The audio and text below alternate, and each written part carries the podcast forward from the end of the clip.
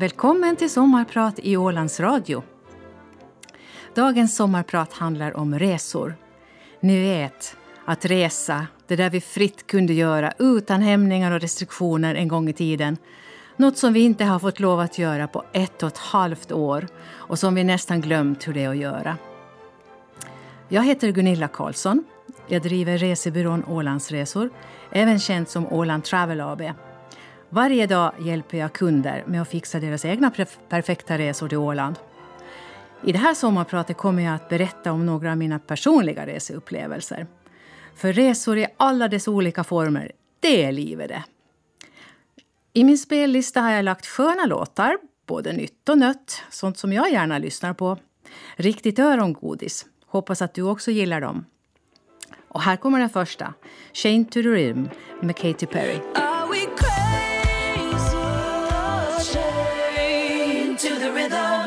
Dagens sommarpratare i Ålands Radio är alltså Gunilla Karlsson och dagens ämne är resor. Och vem är jag då? Jag bor med min livskamrat Kirille Mattsson och hund och katt vid Delvik brygga i Norra Sund. Fastigheten vi bor i heter Drömkåken och vi delar den med min syster Viveka och vår bror Leif och hans livskamrat Dessa. Idag är det rätt lugnt och fridfullt i Drömkåken. Men för 20 år sedan var det lite annorlunda med många barn och husdjur som skulle samsas i det här lyhörda huset som en gång var en andelshandelbutik. Totalt var vi 14 personer. I vår familj fanns det tre barn, hos Leif och dessa fanns det sex. Vi brukar skämta om att det var ju tur att vi åtminstone hade en pedagogiskt utbildad person i familjen. Nämligen min syster Viveka som är barnträdgårdslärare. Mamma Anne-Maj och pappa Roine, som bodde i Sibby, finns tyvärr inte med oss längre. Men det vet ju alla ni som förlorat en förälder som ni hade en nära relation till. Att de hänger ju fortfarande med i det vardagliga livet. Nej, nu måste jag ringa till mamma. Ja, så kommer man på att hon finns ju inte där längre. Nästa låt vill jag tillägna våra härliga barn. Först är det Majlen, du som är familjens hjärta och hjärna. Hur skulle vi klara oss utan dig? Sen är det Dennis, den ambitiöse hunken och en liten spelevink. Och så Matilda, vår musikaliska stjärna med djupa tankar och pyssliga händer. Egentligen skulle det varit Matilda som sjunger nästa låt. Du brukar ju sjunga den. Och Josef, Amanda och Mattias Låten är även till er. Vi ska lyssna på Make You Feel My Love med Adele.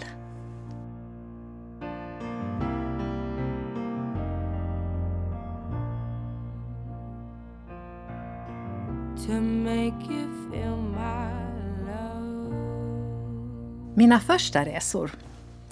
Mina första resor gjorde jag tillsammans med mamma och pappa och mina syskon. Och då kommer jag osökt in på resor med barn. Mammas och pappas resor var alltid planerade med tanke på oss barn. Vi packade in oss i bilen, mamma med en välfylld kylväska med mat som vi sällan åt för pappa var ofta storsint och tog oss till diverse vägkrogar. Vi ungar ramlade runt i baksätet utan säkerhetsbälten, för sådana fanns det inte på den tiden. Och så åkte vi till diverse nöjesfält eller djurparker. Det var Skansen, Furuvik, Eskilstuna Zoo, Gröna Lund, Kolmården, Borgbacken och High Chaparral. Någon gång sov vi över i Sverige och då var det familjerum som gällde med alla inklämda i ett rum och det fanns inte golvyta kvar att röra sig på, bara sängar. Det här var på den tiden när det var vi, Viveka, jag, Leif och när vi även fått vår lillebror Guy. Ibland hade vi också någon kusin med oss på resan. En gång hann vi inte till kvällsfärjan. Kanske var det efter att vi hade besökt High Chaparral i Småland då fick mamma den goda idén att vi skulle övernatta i världens ände. Alltså i Trosa. Ja, vi skrattade hela vägen till Trosas campingplats. Vilket kul namn! Var det världens ände eller världens arsel? Campingplatsen var knökfull av festglada ungdomar. Vi satte upp tältet där mamma, pappa och småbrorsorna skulle sova. Jag och syrran bäddade ner oss i bilen. Och det var ju tur för oss. För under natten fick tältet påhälsning av två överförfriskade grabbar. De ramlade rakt över tältet och rätt ner i famnen på mamma. Syrran och jag märkte ingenting av kalabaliken. Mamma blev helt skärrad, men ingen skadade sig i alla fall. Ibland var det, var det bara jag och syrran som följde med pappa på hans uppköpsresor. Och eftersom han hade åkeri med många gamla lastbilar så besökte vi inte de fina bilbutikerna. Nej, då var det skrotupplag i både Sverige och Finland som gällde. Medan han grottade ner sig bland begagnade bildelar fick jag och syrran aktivera oss på egen hand. Vi brukar skryta med att det nog inte finns någon annan som kissat på så många skrotupplag som vi har. Vad jag minns av våra familjeresor så var de alltid roliga. Vi fick alltid en liten peng att skämma bort oss med. Och min favoritbutik det var Domus där jag köpte Astrid Lindgrens böcker om Emil och Pippi. Jag som älskade att läsa. Själv reser jag gärna med barn. För att det ska bli lyckat då måste man ta på sig sina låtsasbarnglasögon och försöka se världen ur deras perspektiv. Nöjda barn gör glada föräldrar, lika med lyckad semester. Så det gäller det att packa ner några kära småprylar hemifrån. Se till att det finns något att knapra på och något att dricka när väntetiden blir lång. Något att läsa eller lyssna på. Och middagen får bli lite tidigare än vanligt. Och se till att barnkärran är med till restaurangen så att ungen kan vila eller sova. Och förstås, försök att alltid hålla humöret uppe trots att alla är trötta och slitna. Att resa betyder ofta långa tråkiga väntetider och att stå i kö. Det är en utmaning att hålla de små liven på gott humör. Jag älskar att resa med Theo och Noah, Mommos busungar. De är nu nio och sex år. På samma sätt som jag älskade att resa med Majlen och Dennis och Matilda. Men planering, det är A och O. Men nu vill jag spela en låt för mormors busungar, Theo och Noah. Och det blir Pink med Cover Me in Sunshine. I've been dreaming of me in sunshine Att resa på egen hand. Jag har alltid varit blyg. Det är jättejobbigt.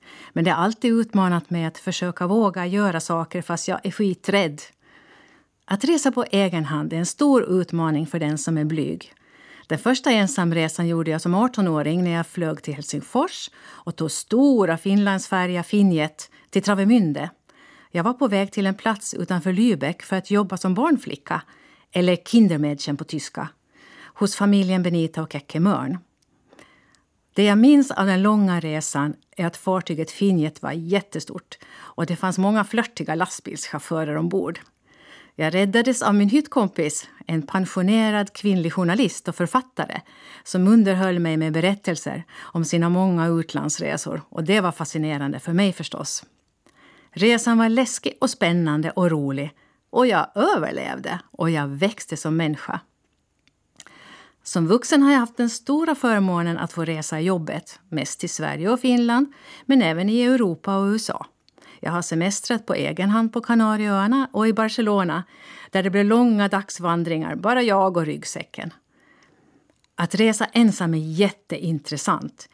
Du är helt beroende av dina egna beslut och du träffar många fler intressanta människor än, än om du reser i sällskap.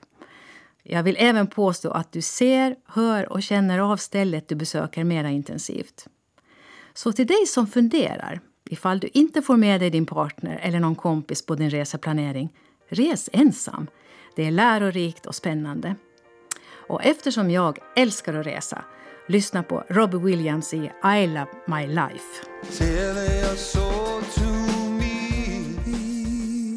Du lyssnar på Sommarprat i Ålands Radio. Dagens sommarpratare är Gunilla Karlsson och dagens ämne är resor. Vandringsresor. Det fanns en gång ett bussbolag som hette Sundqvists buss. Jag antar att alla ni som lyssnar på det här någon gång har, har åkt med de färgglada bussarna till skolan, jobbet, på shopping eller mässresa, på skidresa eller kanske någon Europaresa till kultur eller vandring. När bussbolaget såldes försvann även de åländska vandringsresorna. På den här tiden drev jag tillsammans med Katarina och Kekke Mörn resebyrån Axtors. Och min goda vän Carita Svönblad tjatade på mig. Gunilla, du måste ordna vandringsresor nu när ingen annan gör det. Men jag kan ingenting om vandringsresor. Jag har ju aldrig varit på någon vandring i grupp eller allra minst i Europa. Äh, sa Carita. Ta kontakt med Hille Sundqvist så gör vi det tillsammans. Hille var inte sen med att tacka ja och så kom han med sina kartor till Laxtors och visade i en radie på hur långt han var villig att köra en grupp med buss ner i Europa. Vi måste komma till vårt mål på två dagars bussresa och det längsta vi skulle klara av var det norra Italien eller södra Österrike. Men vart skulle du själv vilja åka då? frågade jag Hille. Han funderade bara en liten kort stund. Ja, det skulle väl vara Gardasjön då. Och så blev det. Min första vandringstur gick till Garda med Hille och sonen Herbert vid ratten. Och herregud vilken rolig och härlig resa. Min kompis Paula, som själv jobbar i en incoming resebyrå, alltså det vill säga hon hjälper nordbor att resa och bo i Italien. Hon gjorde programmet till mig och hon fungerar själv som vandringsledare. Paula är italienska och bor och jobbar vid Gardasjön. Men hon talar även svenska och hon känner till den finska mentaliteten. Och är numera expert på skillnad mellan italiensk och åländsk mentalitet också. Hon tog oss upp på romerska gamla stigar i bergen ovanför Gardasjön. Jag kommer aldrig att glömma den hänförande utsikten över det fantastiskt vackra gröna landskapet och den djupa sjön nedanför med segelbåtar och vackra träbåtar. Andlöst.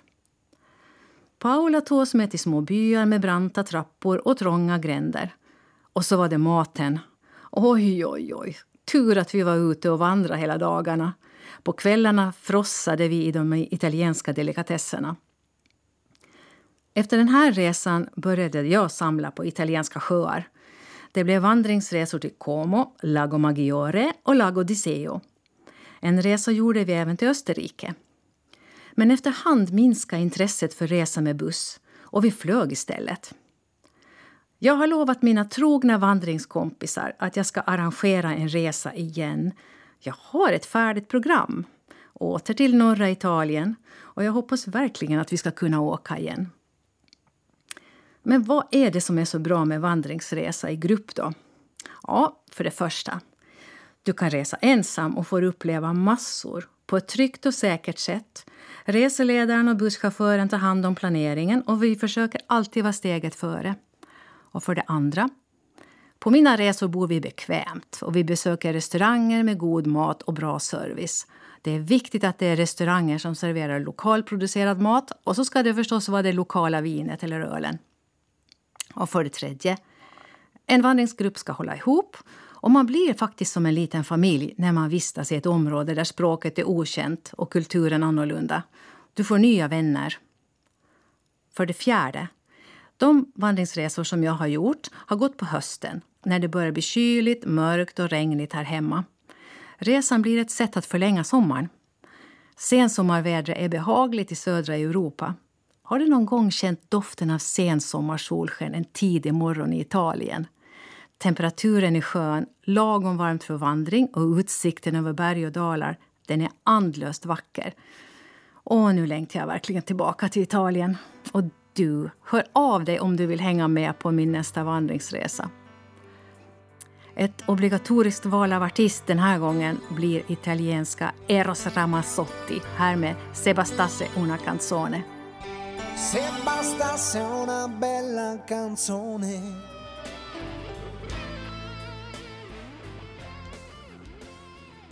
Hemester. Under förra året fick vi lära oss ett nytt ord, hemester.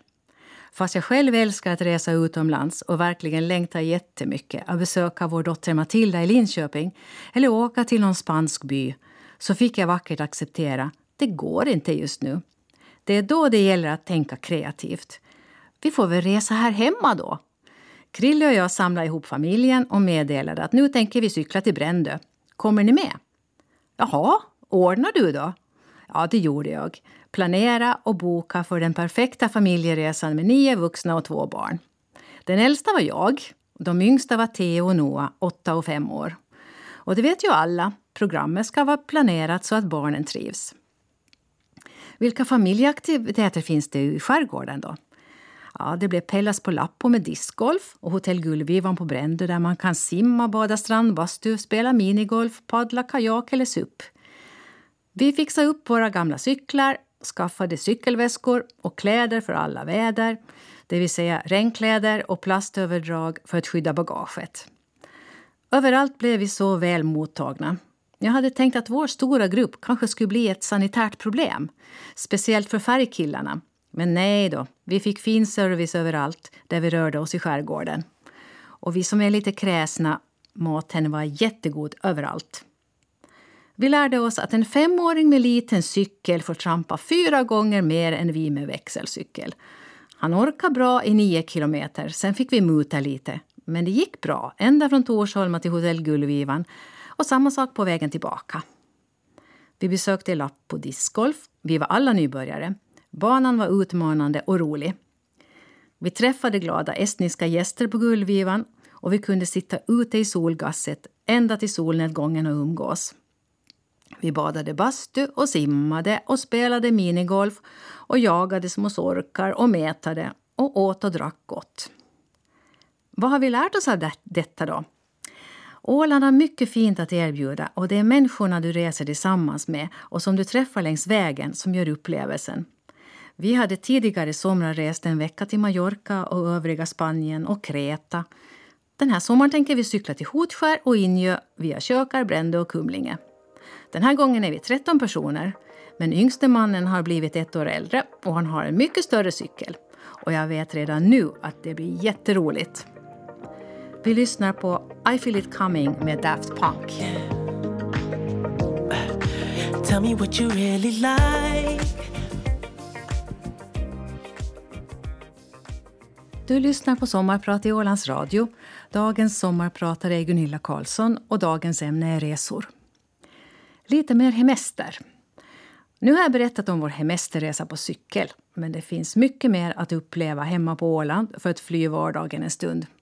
Här kommer det lite tips. Om vi fortsätter på cykeltemat så kan man fortfarande åka cykelfärjan Silvana som går mellan Hammarlands Skarpnåtu och Hällö brygga i Geta från 20 juni till 20 augusti. Den har blivit rätt populär bland våra besökande cykelturister så jag rekommenderar er att boka. Från Skarpnöte går det också att åka på båtutflykt till Selskär. Det finns flera möjligheter att komma ut på sjön. Båten ut till Kobba-Klintar och Rödhamn går numera från segelfartyget Pommerns brygga. Det finns möjlighet att komma ut till Väderskär från Simskäla. Och så finns det företagare med egna båtar som tar emot beställningar och så förstås våra duktiga fiskeguider som kan stå till tjänst. Sen finns det så kallade eremitstugor på holmar där du kan leva Robinson Crusoe-liv helt på egen hand. För att komma ut till de här stugorna är du beroende av att stugägaren kör ut dig ut och tillbaka, ifall du inte har egen båt förstås. Några exempel på eremitstugor är Silverskärs egen eremitstuga på Sviskär och Gyllenklubb som tillhör Sandösunds resort och Sommaröstugan i Föglö. Men det finns säkert fler. Sen finns ju också restaurangbåten Sunnan med skärgårdskryssningar som erbjuder garanterad sjöutsikt från ditt lunch eller middagsbord. Några restaurangpärlor i skärgården som säkert får många besökare den här sommaren är Glada laxen på Bärö i Kumlinge och Salteriet i Sottunga och Karlsro badhotell i Degerby i Fögle. Och det finns säkert flera till ute i skärgården. Den som inte har egen stuga kan hyra en stuga för ett par dagar eller någon vecka eller lyxa till det med all inclusive på ett av våra fina hotell eller något bed and breakfast. Vi är bortskämda med två lokala tidningar och flera radiokanaler där de flesta evenemang annonseras och Facebook där restaurangerna annonserar sina erbjudanden. Den lokala maten är av hög kvalitet och det är självklart att vi ska stödja alla de restauranger och kaféer som satsat på lokala råvaror. Gå ut och ät och drick åländskt och besök de åländska evenemangen. För de som vill vistas ute finns det numera många fina vandringsleder. Stort tack till Fastighetsverket och Visit Åland som gjorde det möjligt. Själv älskar jag att vandra och jag har ännu några leder som jag inte har utforskat ännu. Min absoluta favoritled tills vidare är Bomarsundsleden. Den är omväxlande med skog och berg och det finns fina, fina vyer över skärgården och inte minst de murar som finns kvar av fästningen. Jag vill dock varna för att leden inte passar mindre barn. Den är brant på vissa ställen och bergen blir hala när det regnat. Och den som är aktiv kan ju hyra cykel, kajak eller supboard och andra vattenaktiviteter. Om man skulle lista allt så blir listan otroligt lång. Och jag ber om ursäkt till de arrangörer som jag inte har nämnt här. Men för att summera, man behöver inte ha tråkigt här hemma på Åland. Det som krävs är att man tar ett beslut och bara gör det. Så jag propagerar hemestra på Åland och bli överraskad. Allt är så mycket bättre än du hade trott. Och eftersom Åland och ålänningarna är så bra så lyssnar vi på Goliat med Smitta and Tell. Here's a story about the ears that never listened until you hear me again. Charter, charter, charter. När barnen var små åkte vi oftast på charterresa till Spanien. Det var för förmånligt, praktiskt och tryggt. Barnen fick specialservice på flyget med egen mat. Och ofta fick de en liten välkomstgåva. Som regel var det en målarbok och pennor som sysselsatte dem någon timme. När äldsta barnet reste fanns det ännu små babycots, alltså små barnsängar som hängdes på väggen framför våra säten eller ner från bagagehyllan ovanför oss. Och där sov babyn bra under resan. När det yngsta barnet började resa upptäckte vi att hon hade problem med trånga örongångar. Det var inte kul. Hon hade smärtor vid start och landning och vi hade svårt att lindra och trösta. Tills vi träffade en flygvärdinna som lärde oss att två plastmuggar som trycks mot öronen utjämnar trycket. Det funkar faktiskt. Det tråkiga med charter är allt väntande på resten av gruppen. När man bokat busstransfer till hotellet får man vänta tills att alla hittat ut från flyget innan man kommer iväg. Det är oftast hett och man är svettig och hungrig och törstig och man sitter i bussen och väntar och väntar och väntar. Ja, charter kan ju låta tråkigt, men det kan hända spännande saker på sådana resor också. Den gången när vi reste tillsammans med Krilles föräldrar Anders och Karin till Cypern. Det var den första flygresan vi gjorde tillsammans och jag hade bokat allt för oss. Allt gick bra ända tills vi skulle resa hem. Vi var tidigt ute på flygplatsen, faktiskt de första i kön till incheckningsdisken. Men här blev det tvärnit. Den unga tjejen i incheckningsdisken ville inte släppa igenom Karin. Hon heter inte Karin, påstår hon. Ja, men det gör hon ju. Nej, då titta själv. I passet står det Karina. Det godkänns inte. Att Karin i själva verket var döpt till Ilta Karina, det hade jag inte en aning om. Till saken hör att det var helg och tidig morgon. Den noggranna incheckaren gjorde bara som regelverket säger och hon ringde sin förman som inte svarade. Ja, vad skulle hon göra då? Tiden gick och hallen blev full av folk som skulle också checka in. Och när hallen varit, blev knökfull, då resignerade hon, suckade och släppte igenom oss. Numera heter svärmor alltid Karina när vi reser, precis som det står i passet.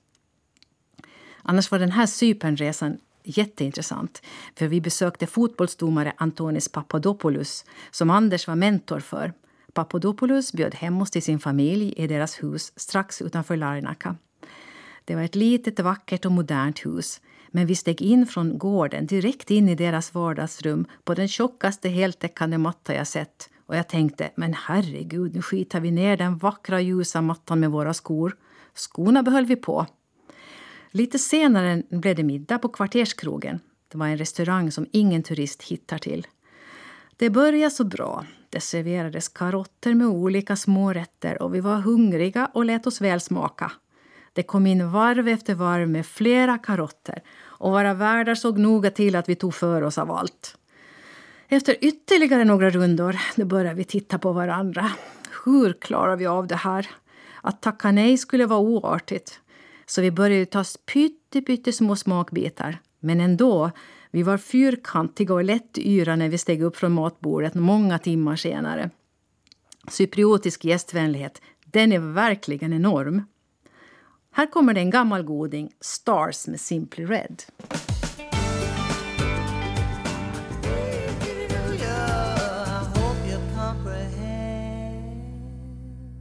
Mera resor. När barnen blev äldre och vi blev lite mer våghalsiga av oss det vill säga vi hade tröttnat lite på charterresorna och ville resa på helt egen hand så följde vi med lågprisflygens erbjudanden och vi besökte rum och lägenheter på olika hotellsajter. Det blev flera resor per år. De flesta var för ett längre veckoslut eller max en vecka. Tur att jag har skrivit en del dagböcker från de här resorna annars skulle jag nog inte komma ihåg allt roligt som hände. Till exempel resorna till Campagnatico i Toscana, Italien. Vi fick tips om en italienare som hade flyttat till Åland. Hans föräldrar hade en gård i Toscana där de hyrde ut rum till turister. Italienaren var Carmelo Belanca och hans tvillingbror Giorgio, som kunde engelska efter att ha jobbat på internationellt kryssningsfartyg, var den som hjälpte sina föräldrar med turisterna. Vi gjorde flera resor till gården i Campagnati, Campagnatico i Toscana. Och det var lika härligt varje gång. Familjens gästfrihet och mamma Belancas mat och pappa Belancas vin. Den stora kärleken som finns till familjen och samhörigheten med släktingar och grannar gör att man glömmer all stress där hemma och bara sveps med. Rummen i det gamla stallet är vackra och utsikten när man stiger upp på morgonen över dalar och höjder, hundra nyanser av grönt, den är gudomlig. På gården odlas vin och oliver och det finns möjlighet att delta i skörden. Någonting som vi gärna skulle göra, men vi har under de här tidpunkterna hittills haft så mycket jobb här hemma att vi inte haft möjlighet att åka dit. Vi reste billigt med Ryanair till Rom där Giorgio plockade upp oss med sin bil och vi fick en glimt av Rom innan vi fortsatte till gården. Följande dagar var det fullt program. Giorgio tog oss till sagolika städer som Siena, Montepulciano, Castiglione della Pescaia och en massa andra ställen med så vackra namn och med så vackra vyer som man nästan dör. I Campagnatico har, har vi varje gång besökt Massimos hål i väggen, som vi kallar det. Det är en pytteliten vinoteka som rymmer hundratals, kanske tusentals flaskor med vin. Nere i källaren har vi haft olika vinprovningar som alla har varit utöver det vanliga med antipasti eller lokala italienska smakbitar. Jag vet att det är rätt många ålänningar som har besökt familjen Belankas gård och som upplevt samma saker som vi. Men jag undrar om någon deltagit i grodfestivalen i grannbyn. I byn hade alla invånare samlats runt långbord och bänkar och det fanns en liten dansbana där det lokala dansbandet spelade upp till dans. Små äldre damer som sålde lotter där vinsterna bestod av deras handarbeten. Det var babykläder och kaffelappar och diverse annat hemlagat. I matvagnen kunde man beställa mat där grunden för alla rätter var groda.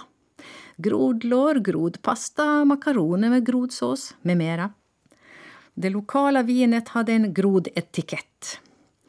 Och vi ålänningar vi var ett exotiskt inslag och blev mycket uppmärksammade och gästfriheten var stor. Och vilken rolig kväll! Vi åt och drack och dansade tillsammans med byn. Stort tack till Giorgio som tog oss med till denna grodfestival. Nästa låt framförs inte av några grodor utan av några prinsar. Boyzone med Picture of you.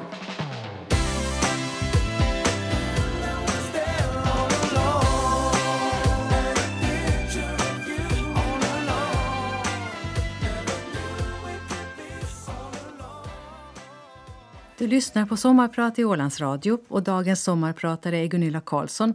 Dagens ämne är resor. En annan ö.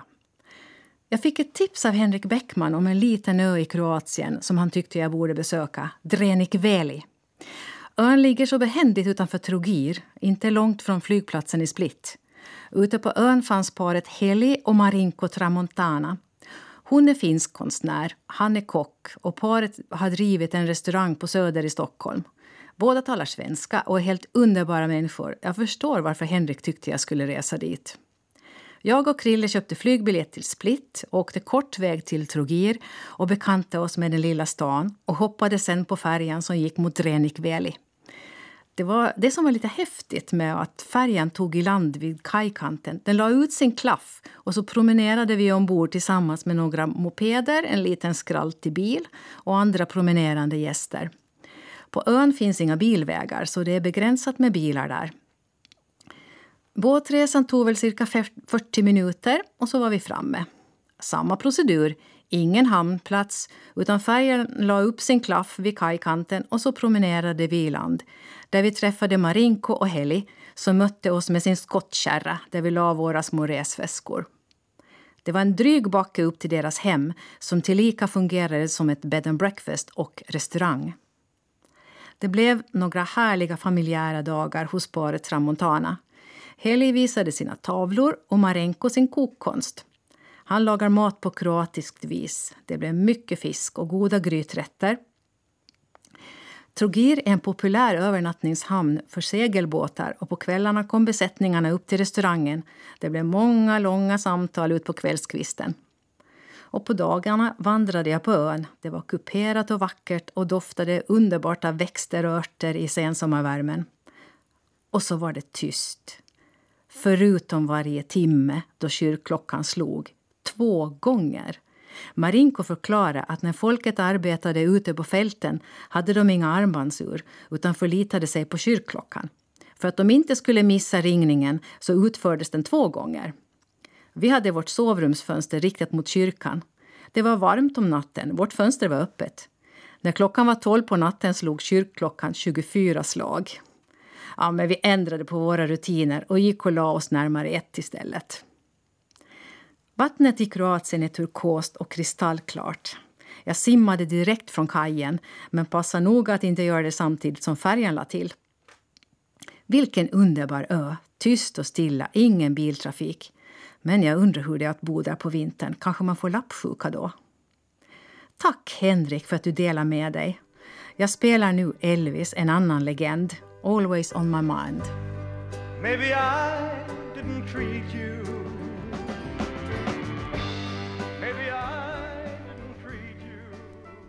Resor och vår miljö. Jag hade inte tänkt nämna pandemin i mitt sommarprat, men nu kommer jag ändå in på ämnet. Nämligen hur våra resor och hur en pandemi påverkar Moder Jord. Vem tänkte väl på vilken påverkan våra roliga resor till Kanarieöarna och andra ställen långt bort i stan med flyg kunde påverka miljön? Och inte jag i alla fall. Man visste ganska lite, det fanns ju så många andra miljöbovar. Till exempel de stora fabrikerna i Ryssland och östblocket som smutsar ner både i luften och vattnet.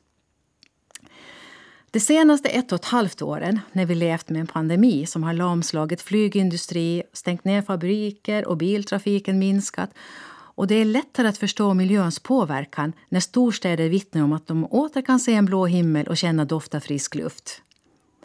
Men vad händer när världen öppnar upp igen? Är vi tillbaka i gamla hjulspår? Kommer vi att flyga lika mycket som tidigare? Och hur påverkas prislappen på flygbiljetterna? Det miljövänligaste sättet att resa är väl förutom att gå och cykla att åka tåg. Har vi vant oss vid det nya långsamma vardagslivet? Och kan vi tänka oss att sätta oss på ett tåg för några dygn för att komma ner till södra Europa istället för att svischa ner i ett plan på tre fyra timmar? Vad tror du? Har du den tiden, eller tänker du som jag alltid har gjort? Det är resmålet som är värt resans pris, inte transporten som ska vara snabb och billig. Om någon ska lyckas vända på mitt beteende så måste nummer ett, tågresan vara lättare att planera. Nummer två, biljetterna ska vara lättare att boka. Jag har själv jobbat med internationella resor. Jag tyckte det var pest och pina att få en kund som beställde internationella tågbiljetter. Tågbolagen är ofta statliga och resorna ska helst bara bokas inom ett enda land. Resor över olika länders gränser de blir komplicerade. Och nummer tre. Priset för tågresan ska vara på samma nivå som flygresan, men helst billigare. Alltså, jag har ju inget emot att åka tåg. Det är vanligtvis både större säten och mera utrymme än på flyget och som regel kan du stiga upp och röra på dig, vilket bara är bökigt på ett flyg. Vi får väl se vad som händer. Kanske jag kan få med mig Krille på en tågresa till södra Spanien. Men då ska nog fördelarna vara bra mycket större jämfört med flyg. En restid på cirka 30 timmar istället för fem kanske? Och du, om du har använt en bra tågbokningssajt för både planering och betalning av tågresor från Stockholm till södra Europa, då tar jag gärna emot tips. En annorlunda tågresa som jag berättade så har jag absolut inte något emot tågresor. När jag bodde i Oslo var det ett naturligt sätt att åka inom landet eller till Köpenhamn eller Stockholm. En gång gjorde jag en rolig tågresa som samtidigt blev ett riktigt svettigt motionspass. Det var i början av 80-talet. Jag hade nyss flyttat till Oslo för att hjälpa till i uppbyggande av Viking Lines nya kontor i centrum, nära paradgatan Karl Johan. Det var min syster Viveka och vår kusin Gerd och de skulle följa mig från Åland till Oslo. Vi skulle åka tåg från Stockholm. Det låter ju simpelt, men för att göra resan lite roligare eller kanske lite mer komplicerad hade vi erbjudit oss att ta med det där sista bordet som saknades i Viking Lines nya kontor med på tåget från Stockholm. Det var ett fyrkantigt vardagsrumsbord, kanske inte så stort, men också tungt. Mycket tyngre än vi hade tänkt oss. Nu ska ni inte föreställa er tre yra tjejer som rusar runt i Stockholm med ett bord med monterade ben och allt, ungefär som en tokig Monty Python-film. Nej, benen var nerpackade separat, men skivan hade någon slags ramkonstruktion som gjorde att det ändå blev tungt och bökigt. Ja, det blev svettigt att få in bordet i taxin till Centralen. Sen bära det bland alla tusen människor i rulltrapporna och bana väg till tågperrongen. I tågvagnen petade vi in bordet bland bagaget men det stack ut i gången och tågvärden var väl inte alltför imponerad. Tillika var vi nervösa ifall någon skulle stjäla vårt dyrbara bord. Men allt gick bra ända fram till Oslo centralstation och efter en svettig kilometer fick vi in bordet i hissen upp till loftet som var namnet på sjätte våningen i Viking Lines kontorshus. Och vi kunde pusta ut. Men vi bestämde där och då att vi aldrig skulle åta oss att bära möbler på ett tåg igen. Om Oslo kan jag säga att det var en helt underbar stad att bo i. Jag blev kvar i sju och ett halvt år och det var några intensiva och roliga år. Så om du inte har varit i Oslo vill jag bara säga, åk dit! Det är en vacker stad med mycket natur och norrmännen är ju bara så sköna. Viveka och Gerd, nästa snygga låt är till er. Say it again med Francis. You run with the sun in your eyes Arms open to whatever you find And I'll say it back to you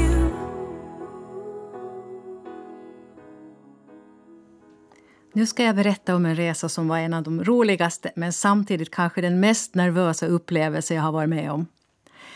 Så nu får Dennis och Macke spänna öronen lite extra. Min son Dennis var sex år och hans kusin Macke var sju. Vi bodde i samma hus och Dennis och Macke lekte mycket med varandra. Dennis hade rest en hel del, men Macke hade inte gjort det. Och hans högsta dröm var att få åka tåg. Jag funderade lite och sen föreslog jag Dennis och Macke, ska vi åka på en liten äventyrsresa där vi ska åka så många olika grejer som möjligt? Om man är grabb i den åldern, vem tackar nej till det?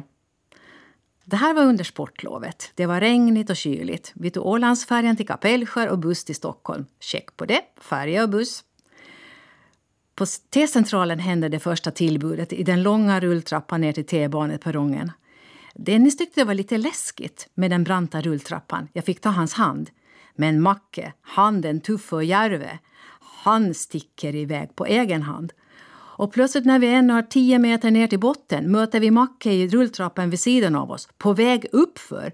Och det vet ju hur stockholmarna agerar i T-banan. De är stressade och springer. Plötsligt möter de en liten parvel som kommer emot i motsatt riktning. Det blir nästan panik.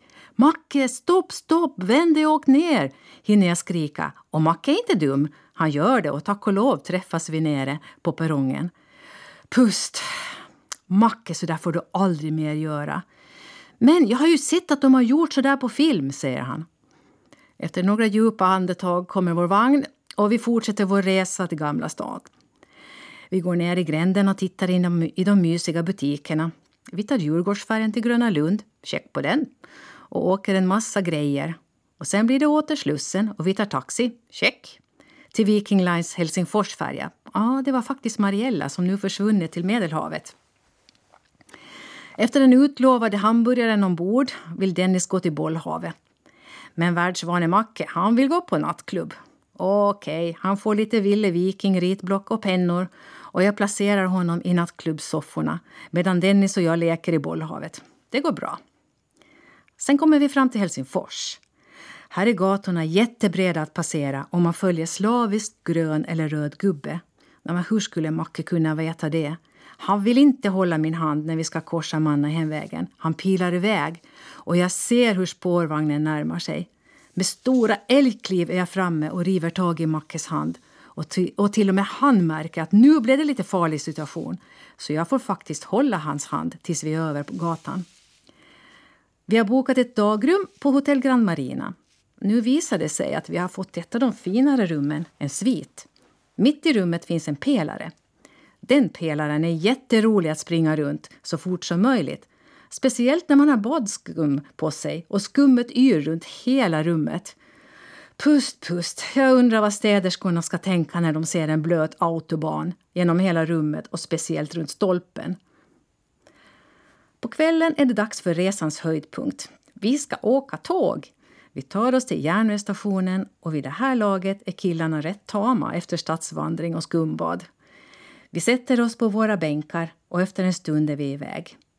Men Macke, vad tycker du nu? Hur är det att åka tåg? Va? Åker vi tåg nu, undrar han. Ja, visst, märker du inte det? Nej, men det här är ju inte ett tåg. Ett tåg ska vara svart och så ska det säga tut tut och så ska det komma ut rök. Ja, ja, jag fattar förstås. Macke har sett Disneys filmer och kanske någon westernfilm. Där är loken svarta och går på kol. Det här tåget är, ingen, är ju en riktig besvikelse. Sista etappen på vår resa är att åka fina Silja Europa. Efter middagen går vi direkt till spa-avdelningen. Den är helt tom. Vi är alltså helt ensamma där. Macke avslutar vår äventyrsresa genom att dyka ner i bubbelpoolen. Hmm, hur gick det sen då? Jo, vi kom hem. Grabben klarade sig med en öm näsa. Men bubbelpoolen, den blev helt ljusröd. Och snipp, snapp, snut så var den äventyrsresan slut. Den här låten är till mina favoritgrabbar Dennis och Macke. Enrique Iglesias, Bailando.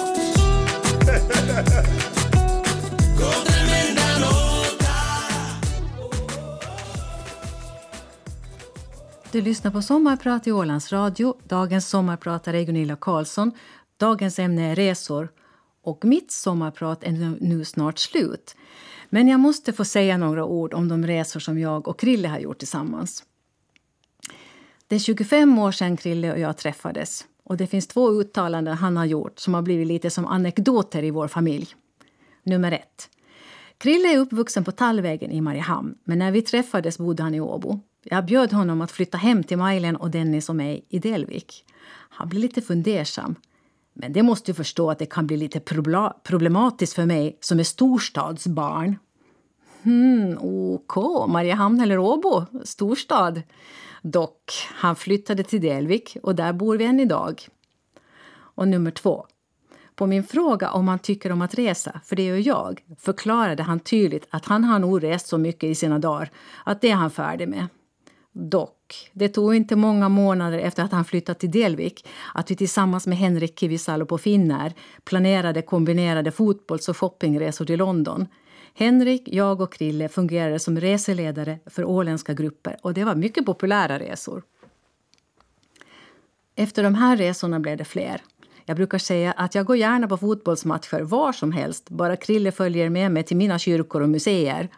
Vi kombinerar fotboll och sevärdheter och så promenerar vi. En resa vi gjorde till Edinburgh var speciellt rolig. Vi hyrde bil och körde bland gröna skotska kullar och gjorde ett pubrace. Det fanns på den tiden 400 pubbar i Edinburgh. Vi testade hur många vi kunde besöka. Vi klarade av 28 stycken på en helg. Och så bodde vi på ett bed and breakfast med vinda väggar, allt lutade. Trappan upp till vårt rum på vinden var smal och sned. Men rummet var fint. Det fanns till och med en tv där som visade en fotbollsmatch från Tromsö i snöoväder där vi såg Anders Mattssons arm. Han motade bort en spelare. Barcelona är också en jättefin stad att kombinera fotboll och kultur. Vi åkte första gången vid Lucia och överraskades av jättehärligt väder. Det var sol och varmt. Och när vi promenerade ner genom Barrio Gotica ner mot strandsidan där vi kunde sitta på en uteservering och njuta av ett glas cava. Det blev så småningom mörkt och så började vi strosa tillbaka mot vårt hotell. Då märkte vi att folk började strömma in i Gamla stan. Vi fick veta att det var julmarknad på gång och det var en härlig upplevelse.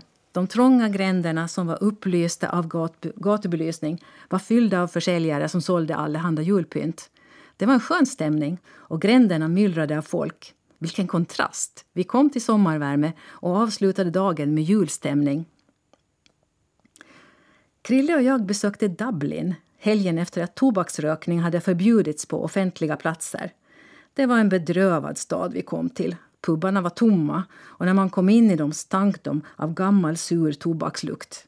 Det var en chock för irländarna att inte få sitta inne i sin favoritpub och njuta av sin öl och sin cigg. Och I centrum pågick det vägreparationer och det mesta var uppgrävt. Det blev inte den upplevelse som jag hade förväntat mig i Dublin. Däremot köpte vi en jätterolig pubcrawl som arrangerades av två skådespelare. Vår grupp gick från pub till pub och det var gamla pubbar med historia. Skådespelarna uppförde ett litet teaterstycke som handlade om just den puben innan vi fick smaka på pubens speciella öl. Det var en kort helg i Dublin och jag känner att Irland borde få ett nytt besök. När Matilda var 16 år fick hon ett Rotary-stipendium som tog henne till Sydafrika för 11 månader. Hon hamnade i Jeffreys Bay vid sydkusten med milsvida sandstränder. Krille och jag åkte ner för att besöka henne i februari. Det var en fantastisk upplevelse. Rotary-värdarna försökte övervinna varandra med att sköta om oss. Matilda skötte om oss som ett proffs. Hon hade anpassat sig helt till det sydafrikanska livet och vi fick snabbt lära oss en ny kultur. Matilda mötte oss på barfota på flygplatsen. Det var vanligt att man inte använde skor. Vi tog ut vår hyrbil och när vi väl satt i den då fick vi inte gå ur den, åtminstone inte när vi skulle tanka. En boy tankade bilen, en putsade vindrutan, en tog betalt. Vi bodde på ett fantastiskt lägenhetshotell på stranden. Matilda bodde hos värdinnan. Matilda förbjöd oss att gå ut efter att det hade blivit mörkt. Det fanns många fattiga i området och det saknades gatubelysning. Vi skulle bli rånade.